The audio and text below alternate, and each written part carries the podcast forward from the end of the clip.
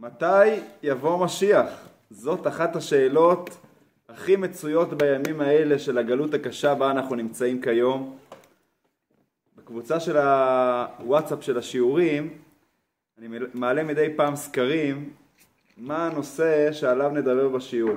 אני נותן למשתתפי הקבוצה לבחור את הנושא. השבוע שלחתי שאלה, הבאתי שתי אפשרויות. אפשרות אחת, מתי יבוא משיח? שזה הנושא שכבר נדבר עליו עכשיו, והאפשרות השנייה הייתה אפשרות מעניינת נוספת.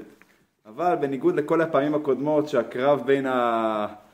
בין האפשרויות אה, ממש ככה צמוד, כל אחד מתחבר לנושא אחר, הייתי אומר שהשבוע זה היה ממש בצורה קיצונית, היה תוצאות חד משמעיות לטובת מתי יבוא משיח, ואני מהתוצאות האלה אני מבין שזה לא רק אה, בחירה של אנשים על נושא מעניין, זה סוג, ערב טוב, ברוכים הבאים. הבחירה מתי יבוא משיח זה סוג של זעקה שעולה ב, בלב של כולנו בימים האלה. פה חיילים נופלים, לצערנו הרב. כאן שבויים שכבר נמצאים חודשים, חודשים ארוכים נמצאים במנהרות החמאס. חיילים פצועים שמאבדים איברים, איברים שונים, נורא ואיום. ואצל כולם עולה הזעקה, מתי יבוא משיח? וההצבעה הזאת השבוע ראיתי את זה לא רק כהצבעה בנושא השיעור, אלא הצבעה שמגיעה מהלב של האנשים שמבקשים את ביאת המשיח. אז היום אנחנו בעזרת השם נלמד על הרגע המסקרן ביותר בהיסטוריה, הגעתם בזמן. הרגע שכמעט התגלה הסוד מתי יבוא משיח. ברגע האחרון זה הפך להיות מהרגע המסקרן בהיסטוריה לרגע המאכזב בהיסטוריה.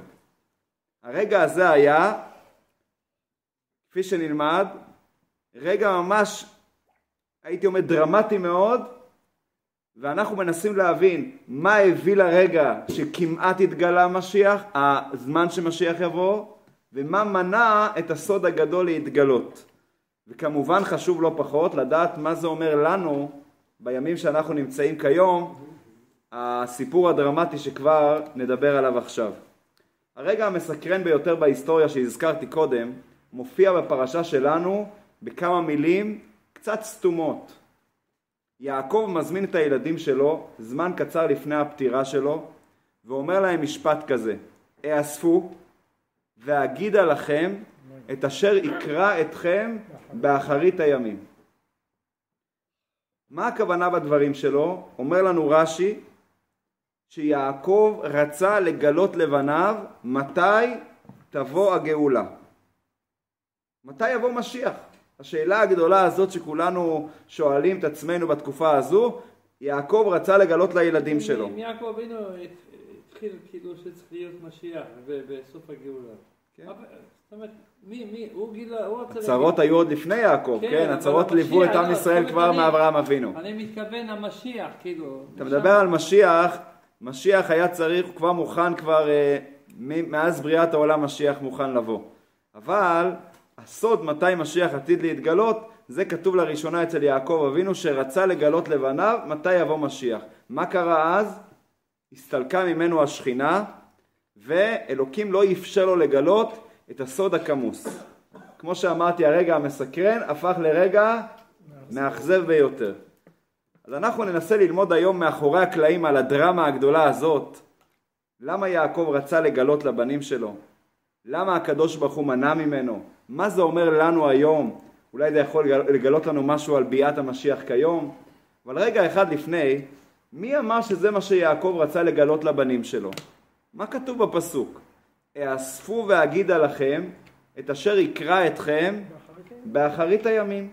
אפשר להבין שהכוונה היא שיעקב רוצה לגלות לבנים שלו מה יהיה עם כל אחד אחרי פטירתו, מה, מה יהיה ההמשך שלהם. אחרית הימים מלשון הימים המאוחרים יותר, אחרי פטירתי. זה דבר שאגב מפרשי המקרא כך מפרשים.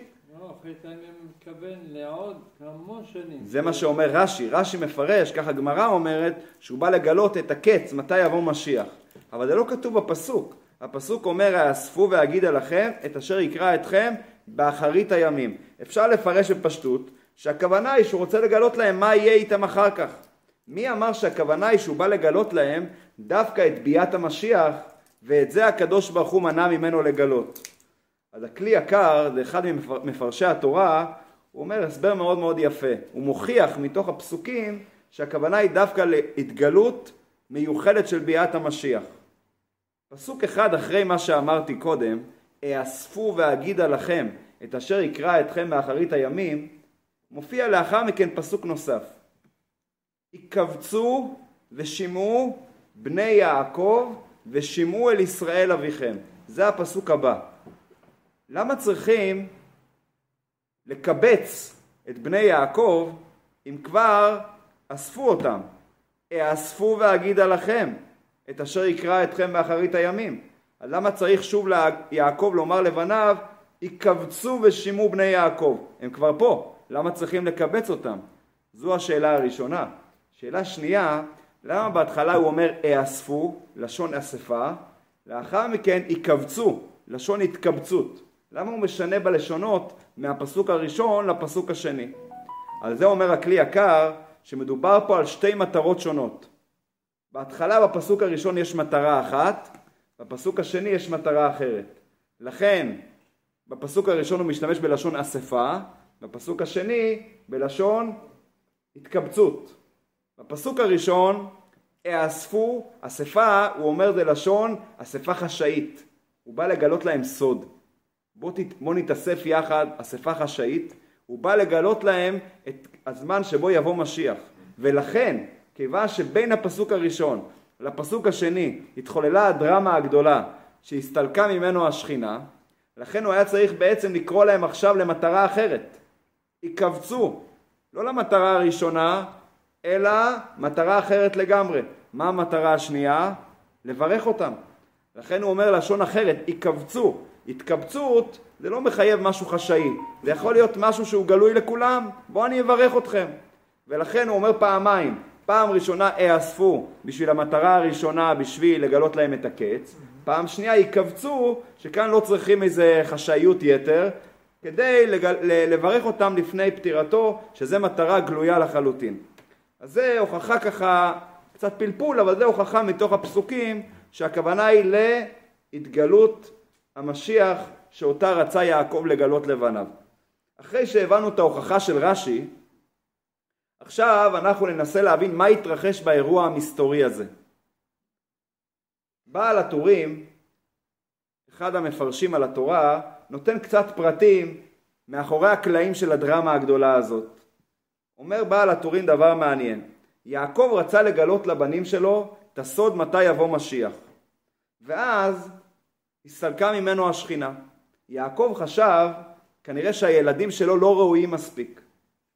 ולכן הוא אמר להם משפט כזה, שמא אולי הסיבה לכך שהסתלקה ממני השכינה זה בגלל שיש בכם חטא. אתם לא ראויים לקבל את הסוד הגדול הזה. צריכים סיווג ביטחוני כדי לקבל סודות מדינה. אתם לא בעלי סיווג גבוה בגלל החטא שיש לכם. על זה אמרו לו הילדים שלו, תדקדק בכל השמות שלנו, שמות השבטים, ותגלה שלא תמצא את המילים חטא.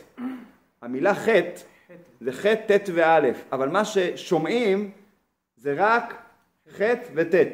תחפש בכל השמות שלנו, לא תגלה לא את האות חטא ולא את האות ט'. זה אומר שאין בנו חטאים. לא אמר להם יעקב, אתם צודקים, אין בכם חטא, אבל אין בכם גם קץ. גם את האותיות ק' וצדיק אין לכם. אז אולי הסיבה היא לא בגלל שאתם חטאים, אין לכם חטאים, אבל אתם לא ראויים לקבל את הקץ, את לדעת מתי יבוא משיח, שזה הכוונה קץ. מעניין בקשר לזה, שבאפוד של הכהן הגדול, היה אחד מהבגדים של הכהן הגדול היה אפוד. עליו היו 12 אבנים, שעליהם היו חקוקים השמות של כל שבטי ישראל. כל אבן עבור שבט אחר. והגמרא אומרת שעל האבנים הללו, ששם מופיעים שמות בני ישראל, הופיעו עוד כמה מילים. איזה מילים הופיעו? אברהם, יצחק, יעקב, שבטי ישורון. מה יש במילים האלה? חוץ מהשמות של האבות והשמות שבטי ישורון, יש בהם גם את האותיות ח', ט', ק' וצ'. זה בעצם בא להשלים את מה שאין בשבטים. אז זה השמות אברהם, יצחק ויעקב, שבטי ישורון. תקשיבו למילים, תגלו שם גם את ח' וגם את קץ. אז זה דבר מעניין. אבל אחרי שלמדנו את הסיפור של החטא והקץ, שיעקב רצה לגלות לבניו, ולאחר מכן הסתבר שהוא לא יכול לגלות כי אין בהם את הקץ, עכשיו ננסה להבין קצת לעומק יותר מה חשב יעקב, מה היה מאחורי הקלעים בדרמה הגדולה הזאת. תארו לכם שיעקב מגלה לבניו את הקץ. מתי יבוא משיח? אנחנו עדיין לא יודעים מתי בדיוק יבוא, אנחנו מקווים מאוד שמשיח יבוא היום בעזרת השם, יבוא בקרוב ממש, אבל אנחנו יודעים מתי הוא לא הגיע. עד מתי הוא לא הגיע? עד היום. כמה זמן עבר מאז שיעקב רצה לגלות לבניו את הקץ עד היום? בערך 3,500 שנה. בואו נתאר לעצמנו שיעקב כן מגלה לבנים שלו. הוא אומר להם, ילדים יקרים, אני רוצה לגלות לכם סוד. עוד 3,500 שנה, משיח עומד לבוא ולהתגלות. מה היה קורה לילדים באותו רגע? ייאוש. ייאוש, דיכאון, עצבות. זה היה מביא אותם לידי שמחה, התרגשות? כמו שעכשיו יבואו ויגידו לנו משיח יבוא עוד מאה שנה, כולנו ניכנס לדיכאון עמוק, אנחנו מצפים לו עכשיו. אז מה יעקב רצה לגלות לבניו את הקץ? או שכן, או שמישהו אופטימי ישמח. ממה הוא ישמח? שבעוד מאה שנה יהיה משיח. לא, עוד מאה שנה זה כבר אחרי החיים שלנו, מי רוצה שהמשיח יבוא אחרי החיים שלו? אנחנו רוצים שהוא יבוא עכשיו, והוא יגיד לו עוד 3,500 שנה? מה הוא רצה לגלות להם? הוא רצה לייאש אותם? מה המטרה שלו? אז יש מפרשים שאומרים שזה הסיבה שיעקב רצה לגלות רק לבנים שלו את הקץ. האספו, אמרנו, אספה חשאית. למה?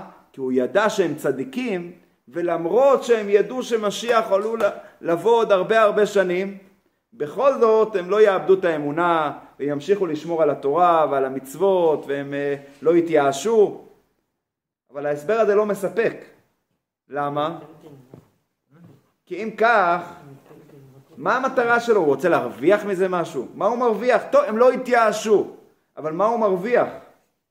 אגב, אותם מפרשים אומרים שלמה הקדוש ברוך הוא סילק ממנו את השכינה, שמא הסוד הזה ידלוף לאחר מכן לעם ישראל, יהיה דליפת מידע, ואז כל העם יהיה מיואש. מה, רגע, את זה יעקב לא ידע שאולי זה ידלוף? למה רצה יעקב? מה המטרה שלו הייתה? זה לא מובן לגמרי. כדי להבין את הסיפור, העומק של הסיפור הדרמטי הזה, ומה המסר עבורנו שזה לא פחות חשוב, אני רוצה להקדים סיפור מאוד מעניין שמובא בתלמוד, במסכת סנהדרין. אחד מחכמי ישראל המפורסמים קראו לו רבי יהושע בן לוי. שמעתם עליו? כתוב שהוא אפילו זכה להיכנס בחייו לגן עדן. יש סיפור מעניין על זה, אבל כיוון שזה לא קשור אלינו אני אעבור לסיפור המרתק הבא. רבי יהושע בן לוי פעם אחת, מספרת הגמרא, פוגש לא פחות ולא יותר את אליהו הנביא. אתם פוגשים את אליהו, איזה שאלה הייתם שואלים אותו? איפה משיח? מתי הוא מגיע? זו השאלה שסקרנה כבר אותו לפני uh, הרבה הרבה שנים, בערך אלפיים שנה, קצת פחות. פוגש רבי יהושע בן לוי את אליהו ואומר לו, מתי מגיע משיח? התשובה של אליהו הייתה מפתיעה. תשאל אותו בעצמו. למה אתה שואל אותי? תשאל אותו בעצמו. הוא מתרגש מאוד לשאול את משיח, איך, איפה משיח נמצא? הוא אומר לו, לך לפתח העיר רומי, שמה משיח יושב, ושם תשאל אותו את השאלה הזאת. שואל אותו רבי יהושע בן לוי, אבל איך אני אדע לזהות אותו? יש שם הרבה אנשים. הוא אומר לו דבר מאוד מעניין. הוא אומר לו, יושב בין העניים שיש להם נגעים, מנוגעים, כלומר יש להם הרבה פצעים. אם אתה רוצה לזהות מי אותו עני פצוע, שים לב איך הם מתנהגים. בכל כמה שעות אותם עניים מחליפים את התחבושות מהישנות שמלאות כבר בפצעים לחדשות. איך הם עושים את זה? לוקחים את כל התחבושות הישנות, מורידים אותן, והם שמים במקומם תחבושות חדשות. תסתכל טוב משיח יתנהג אחרת. הוא לא מוריד את כל הישנות ושם חדשות, אלא הוא מוריד אחד ושם במקומו חדש. מוריד אחד ושם במקומו חדש. הוא לא מוריד שניים יחד. למה? כי אם משיח אמור להתגלות, הוא רוצה להיות מוכן מיידית לבוא לגאול את עם ישראל ולא להמתין אפילו לרגע אחד שהוא יצטרך לגמור ולחבוש את כל הפצעים. זה דבר מאוד מעניין בפני עצמו. טוב, רבי יהושע בן לוי הולך לשערי רומי, רואה את העניים ומגלה את אותו אחד שמוריד תחבושת אחת בלבד ומיד הוא ניגש אליו ושואל אותו מתי כבודו מתכנן לבוא לגאול את עם ישראל? זה אכן היה משיח. אומר לו במילה אחת, היום. רבי יהושע בן לוי מתרגש, תתארו לכם שמגיע המשיח בכבודו ובעצמו ואומר לכם, היום אני מגיע. איזו התרגשות גדולה. עובר כמה ימים והוא לא הגיע. ואז שוב רבי יהושע בן לוי פוגש את אליהו הנביא. הוא פוגש אותו ואומר לו, נו, מה קורה, מה חדש? אומר לו רבי יהושע בן לוי, משיח אמר לי שקר. ככה הגמרא אומרת. שקר אמר לי. הוא אמר לי שהוא יבוא היום, הוא לא הגיע. אומר לו אליהו הנביא, לא הבנת את מה שהוא אמר לך. הוא התכוון לפסוק שאומר, היום אם בקולו תשמעון. היום, אבל מתי? יש עוד שלוש מילים שאתה לא, לא הבנת. אם בקולו תשמעו. כלומר, משיח יכול לבוא היום, הפוטנציאל קיים, זה תלוי רק בנו. אם בקולו תשמעו. כהמשך לכך, הגמרא מוסיפה דבר שרבי יהושע בן לוי עצמו אומר. זה ממש מסתדר עם הסיפור הפלא ופלא. רבי יהושע בן לוי אומר שמשיח יכול לבוא בשתי אפשרויות. הוא מביא פסוק בנביא ישעיהו, שהנביא מרמז, מרמז על ביאת המשיח.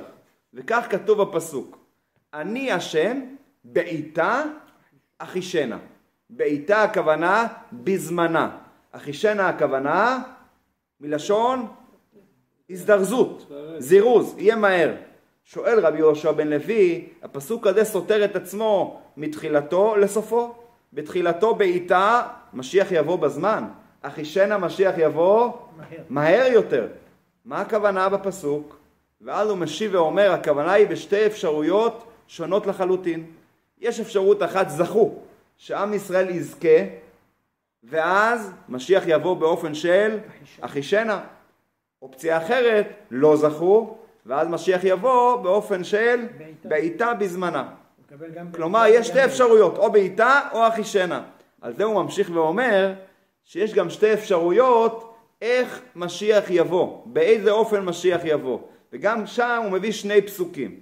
פסוק אחד בנביא דניאל הוא אומר, ארו עם ענני שמיא, משיח יבוא עם עננים. פסוק שני, כתוב אני ורוכב על חמור. אז איך משיח יבוא? עננים או על החמור?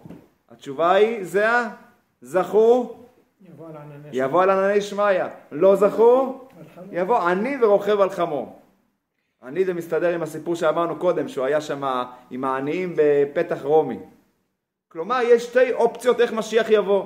יכול להיות שמשיח יבוא באופן של ענני שמיא בזריזות רבה. אגב, זה גם מסתדר, אם תחשבו, גם על האופציה. הוא מגיע עם ענני שמיא זה במהירות. הוא מגיע עם החמור, הוא מגיע אם הוא מגיע עם החמור הוא מגיע לאט. בעיטה על החמור, או מהר על ענני אפשרות שהוא יגיע במטוס פנטו, או שהוא יגיע באיזה רכב כזה. כן, זה אתה מתרגם את זה לשפה של ימינו. בכל מקרה, מה אומר לנו רבי יהושע בן לוי? הוא אומר, הוא הפנים את התשובה של משיח. היום אם בקולות תשמעו, זה אופציה אחת שמשיח יבוא מהר. אם לא נהיה ראויים, אז ייקח זמן עד שמשיח יבוא. על פי דברי רבי יהושע בן לוי שלמדנו עכשיו, על פי הסיפור המעניין, הרבי מלובביץ' מסביר מה היה הכוונה של יעקב אבינו. למה הוא רצה לגלות לבניו את הקץ? מה הוא בעצם רצה? יעקב לא התכוון לגלות לבנים שלו מתי יבוא משיח בעיטה, בזמן שלנו. זה באמת היה מייאש אותם כל כך הרבה שנים. הוא התכוון לגלות משהו אחר לחלוטין. הוא התכוון לגלות להם סוד מאוד מיוחד. הסוד של גאולת אחישנה. הוא בא לומר להם, עוד כמה זמן אמורה להיות גאולה ממצרים. גאולת מצרים, כך אומרים גם חכמינו, הייתה יכולה להיות, אם עם ישראל היה ראוי, להיות הגאולה העתידה. שלא היינו צריכים את כל הגלויות באמצע, כל הצרות שעם ישראל עבר במהלך אלפי השנים. גאולת מצרים הייתה יכולה להיות גאולה ראשונה וגם גאולה אחרונה. וזה הסוד שיעקב רצה לגלות לבנים שלו, יש פוטנציאל בגאולה שאו-טו-טו הולכת לבוא, גאולת מצרים, להיות הגאולה האחרונה ששם משיח יבוא ויתגלה. אבל ההסבר לא מספיק חזק. למה? כי כמה זמן אחרי האירוע הדרמטי הזה הייתה גאולת מצרים? תעשו חשבון פשוט. כמה זמן היה, עם ישראל היה במצרים? היו 210 שנים. היו 210 שנים במצרים. כמה זמן מתוך זה יעקב היה במצרים? 17 שנה. ויחי יעקב בארץ מצרים 17 שנה, כך מתחילה הפרשה. אז יוצא 210 פחות 17. כמה? 190 ו... 197. מה? 17. פחות. 193. מה? 193.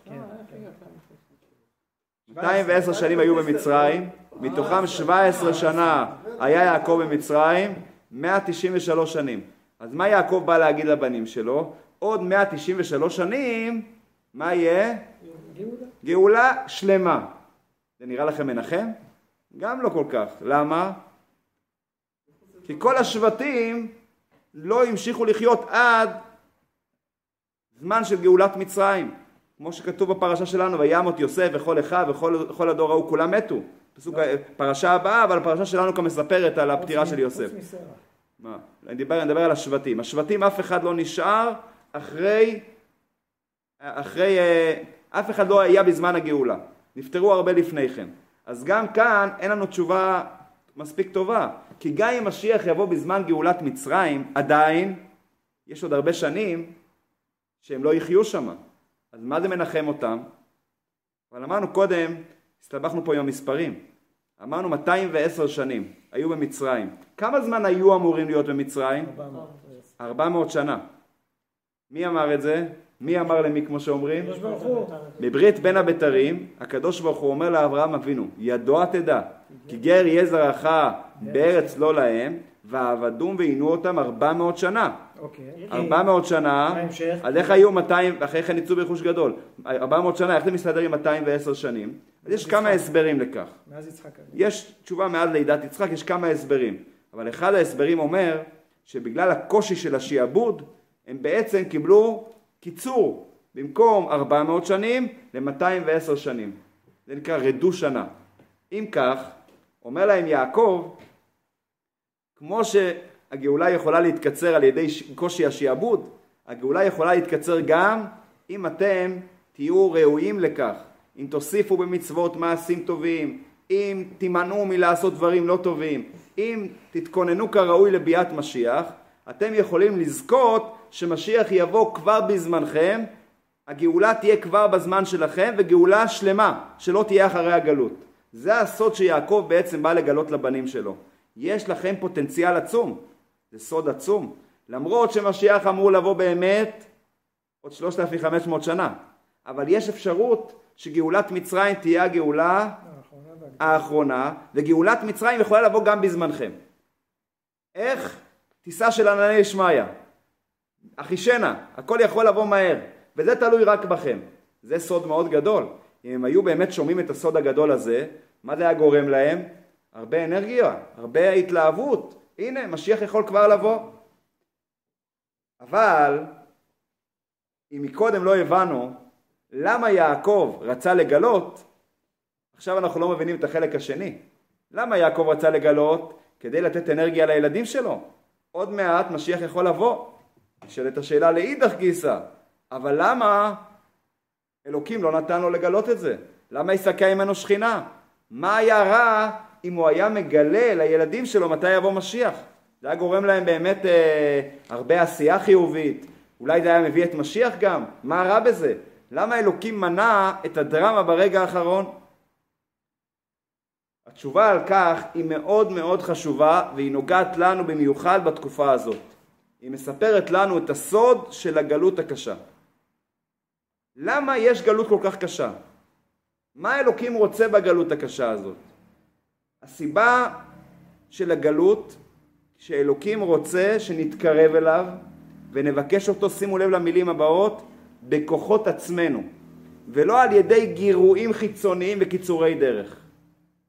אם יעקב היה מגלה לבניו את הקץ, בגלל זה הם היו מתעוררים בהתרגשות גדולה, זה לא היה בכוחות עצמם, זה היה בגלל ההתרגשות מהידע שעוד מעט משיח יבוא. מה היה חסר? חסר העבודה העצמית. כי זה לא בכוחות עצמו, זה בכוח אבא, בכוח ההתרגשות שמשיח הולך לבוא. ולכן אלוקים מנע מיעקב לגלות לבנים שלו את הקץ, כי הוא רצה שהם יהיו מוכנים בכוח עצמם. אספר לכם סיפור יפה על אחד מגדולי ישראל בדורות הקודמים, קראו לו רבי נפתלי מרופשיץ. סיפור מאוד יפה. פעם אחת הוא ישב עם החסידים שלו, והוא סיפר להם על האיכוס המפואר שלו שהוא הגיע ממנו והוא מתאר שזה לא סתם ייחוס, זה ייחוס שאין כמותו. הוא מתחיל לתאר את אבא שלו וסבא שלו ואבא של סבא שלו, שכולם היו חסידים דגולים עד תקופת הבעל שם טוב, והוא מסיים ואומר, נראה לי שאין משפחה מיוחסת היום, בתקופה הזאת, כמו המשפחה שלי. היה שם יהודי פשוט, שמע את הדברים של הרבי, רבי נפתלי מרופשיץ, והוא אמר לו, רבי, אני מיוחס יותר ממך. רבי נפתלי מסתכל עליו, ואז הוא אומר לו, אני בא ממשפחה שאף אחד לא מניח תפילין במשפחה. אני היחיד שקם בבוקר ואומר מודה אני, מניח תפילין, אני היחיד ששומר שבת. אני מיוחס הרבה יותר. רבי נפתלי מרופשיץ מאוד נהנה. מה הוא בעצם, אה, מה, מה היה המסר של אותו יהודי? אם יש לך כזה ייחוס גבוה ואתה צדיק, זה לא חוכמה? אם הייחוס שלי שאף אחד במשפחה שלי בכלל לא מתנהג כמוני, ואני בכל זאת מתנהג כך, זה מראה שאני באמת עובד את השם, זה מגיע מכוחי. הכוח שלך זה לא שלך, זה של אבותיך, אבות אבותיך. הייחוס הגדול, הוא מביא אותך לעשות את המעשים שלך. אני עושה את זה בכוח עצמי. מה? כמו אברהם אבינו, שאבא שלו היה תרח. זה חוכמה. אז בהקשר לכך, יש פירוש נפלא, אני אמרתי אותו באחד השיעורים אה, לפני תקופה, של השלה הקדוש. הוא מביא פירוש מאוד יפה על פסוק שאנחנו אומרים בשירת הים. זה אלי וענווהו, אלוהי אבי וארוממנו. אתם זוכרים את מה שאומר השלה הקדוש? זוכר אסף? הוא אומר כך, כדאי לזכור. זה אלי וענווהו, אלוהי אבי וארוממנו. הוא אומר כך, מחלק את זה לשניים. אם זה כלי, זה האלוקים שלי, אני עובד אותו, אני מתאמץ בשבילו, לא בגלל שאני למדתי, לא בגלל גירויים חיצוניים, הכל מיוזמתי ומעצמי, אז וענווהו. מה זה ענווהו? אני והוא במילה אחת. כלומר, אני ביחד איתו באחדות גדולה. אבל אם זה אלוקי אבי, זה לא אני, אני עשיתי את זה בכוחות עצמי, זה אבא שלי לימד אותי, מסורת, קיבלתי את זה בירושה, אבא שלי לקח אותי לבית כנסת, אבא שלי לימד אותי להניח תפילין, זו הסיבה שאני עושה את זה, אז וארוממנו, אלוקים רחוק ממנו. כלומר, מה הדרגה הגבוהה יותר? זה כלי, שאדם עובד בכוחות עצמו. ולכן הקדוש ברוך הוא סילק את השכינה מיעקב כדי שעם ישראל, בני ישראל במובן הפשוט של המילה, הבנים של יעקב שנקרא ישראל, יעבדו בכוחות עצמם ולא בגלל הגירוי החיצוני שעוד מעט משיח עומד לבוא. למה כל כך חשוב שהגאולה תבוא בכוחות עצמנו? מה רע שנקבל סודות מדינה? תארו לכם שאנחנו נקבל היום הדלפה מצדיק גדול שכולנו מאמינים בו, שהוא יאמר לנו שהשבוע מגיע משיח. מה יהיה באותם אה, ימים? בתי הכנסת יהיו מלאים מפה לפה. שיעורי התורה, אנשים יעמדו על הגדרות. כל העמותות של החסד, כן, יהיו מלאים במתנדבים. אנשים ייקחו את הכסף, ייתנו צדקה, להספיק עוד מצווה, עוד איזה שיעור תורה, משהו, כולם ירצו. מה רע בזה? זה נשמע לי דבר פנטסטי. המצוות יבואו לגאות, יבואו לשיא. העבירות יהיו בשפל. מי לא רוצה להתכונן לביאת משיח? מה רע בזה? למה אלוקים רוצה דווקא בכוחות עצמנו? מה, מה האידיאל פה? התשובה לכך היא שזה כל הרעיון של הגאולה שאנחנו נעבוד בכוחות עצמנו. למה? יש גן עדן ויש גאולה שמשיח יבוא. מה ההבדל בין שתי ה... הייתי אומר היהודים האלה, התקופות האלה, מה ההבדל בין תקופה של גן עדן שהאדם נמצא בו לתקופת הגאולה? יש הבדל מאוד משמעותי. גן עדן זה לנשמות בלי גופים. אחרי שהאדם נפטר מן העולם, הוא זוכה במצוות, מעשים טובים, מגיע לגן עדן. לעומת זאת הגאולה העתידה שמשיח יבוא, זה לא יהיה לנשמות בלי גופים, אדרבה זה יהיה כאן בעולם, לנשמה בגוף. לנו כאן, אנחנו כאן בעולם הזה הגשמי. ולכן כדי להתכונן לביאת המשיח, אנחנו חייבים להכין את השטח הגשמי. איך מכינים את השטח הגשמי? על ידי אנשי השטח. מי זה אנשי השטח? אנחנו, בכוחות עצמנו. כי משיח עתיד לבוא, על ידי זה גם תבוא הקדושה לשרות כאן בעולם הזה. היא צריכה שאנחנו נהיה מוכנים לקבל את הקדושה. האורח הגדול משיח צריך שאנחנו נהיה כלים לקבל את הקדושה שהוא יביא איתו. אז לכן כל הרעיון של הגאולה זה התגלות הקדושה כאן בעולם הגשמי. זו הסיבה שאנחנו צריכים להיות מוכנים להתגלות הזאת על ידי עבודה בכוחות עצמנו, שזה יבוא מיוזמתנו ומאיתנו. נו, פתחנו את השאלה, את השיעור מתי יבוא משיח. אז מתי יבוא משיח? יש לי בשורה רעה ובשורה טובה. הבשורה הרעה שלי, שאני לא יודע לגלות לכם מתי הוא יבוא. כי אם הייתי יודע לגלות, אז היינו מפסידים את כל השיעור, את כל הרעיון של השיעור, שאנחנו נעבוד בכוחות עצמנו. אבל יש בשורה טובה. אם יעקב רצה לגלות לבניו את הקץ, איזה קץ הוא רצה לגלות לבניו? את התקופה של האחישנה, שמשיח אמור לבוא לא בזמן הרגיל שלו. הבשורה הטובה היא שאנחנו נמצאים בתקופה כזו שמשיח אמור לבוא כבר בעיטה, זה כבר הזמן שלו לבוא. בלי קשר לאחישנה, כבר הגיע הזמן שלו לבוא. זה לא הדברים שאני אומר. הצדיקים הגדולים בדורות האחרונים, במיוחד הרבי מלובביץ', דיבר על כך שהזמן של משיח כבר הגיע.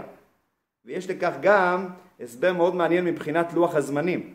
לפי המסורת היהודית, אנחנו נמצאים עכשיו לקראת סיום האלף השישי מבריאת העולם. לקראת האלף השביעי, שהוא נקרא במקורות שלנו יום שכולו שבת ומנוחה לחיי העולמים, האלף של הגאולה. אז אנחנו נמצאים ממש 5,784 שנים, לקראת, ממש לקראת סיום האלף השישי, נותרו כמה, 200 ומשהו שנים בודדות. עכשיו, כמו שאת השבת אנחנו מקבלים כבר ביום שישי, מכניסים אותה מוקדם, מצוות תוספת שבת, זמן הדלקת נרות היא לפני השקיעה. מקדימים את השבת, מקבלים תוספת שבת.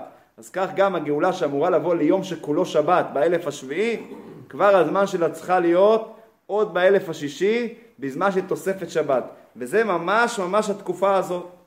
אז אם כך, נותר לנו התפקיד החשוב להכין את עצמנו שנהיה מוכנים כראוי להתגלות הגדולה ואנחנו דווקא בתקופה החשוכה הזו, חושך כל כך גדול, אנחנו נמצאים זמן קצר לקראת האור היום הגדול. אומרים שלפני שהיום מאיר, אז החושך הוא הכי גדול. אז החושך הגדול בו אנחנו נמצאים עכשיו, זה בוודאי סימן לכך שהאור הגדול כבר בפתח, ולכן אנחנו צריכים לעשות כל, כל מה שביכולתנו כדי לבוא ולהיות מוכנים לקראת הגאולה. ואיך עושים את זה? פשוט וקל. עוד מצווה אחת, עוד מעשה טוב, עוד אה, דבר חיובי, פחות דבר שלילי. כל מצווה ומעשה טוב מקרב אותנו ליעד, והיעד הוא כבר בפתח.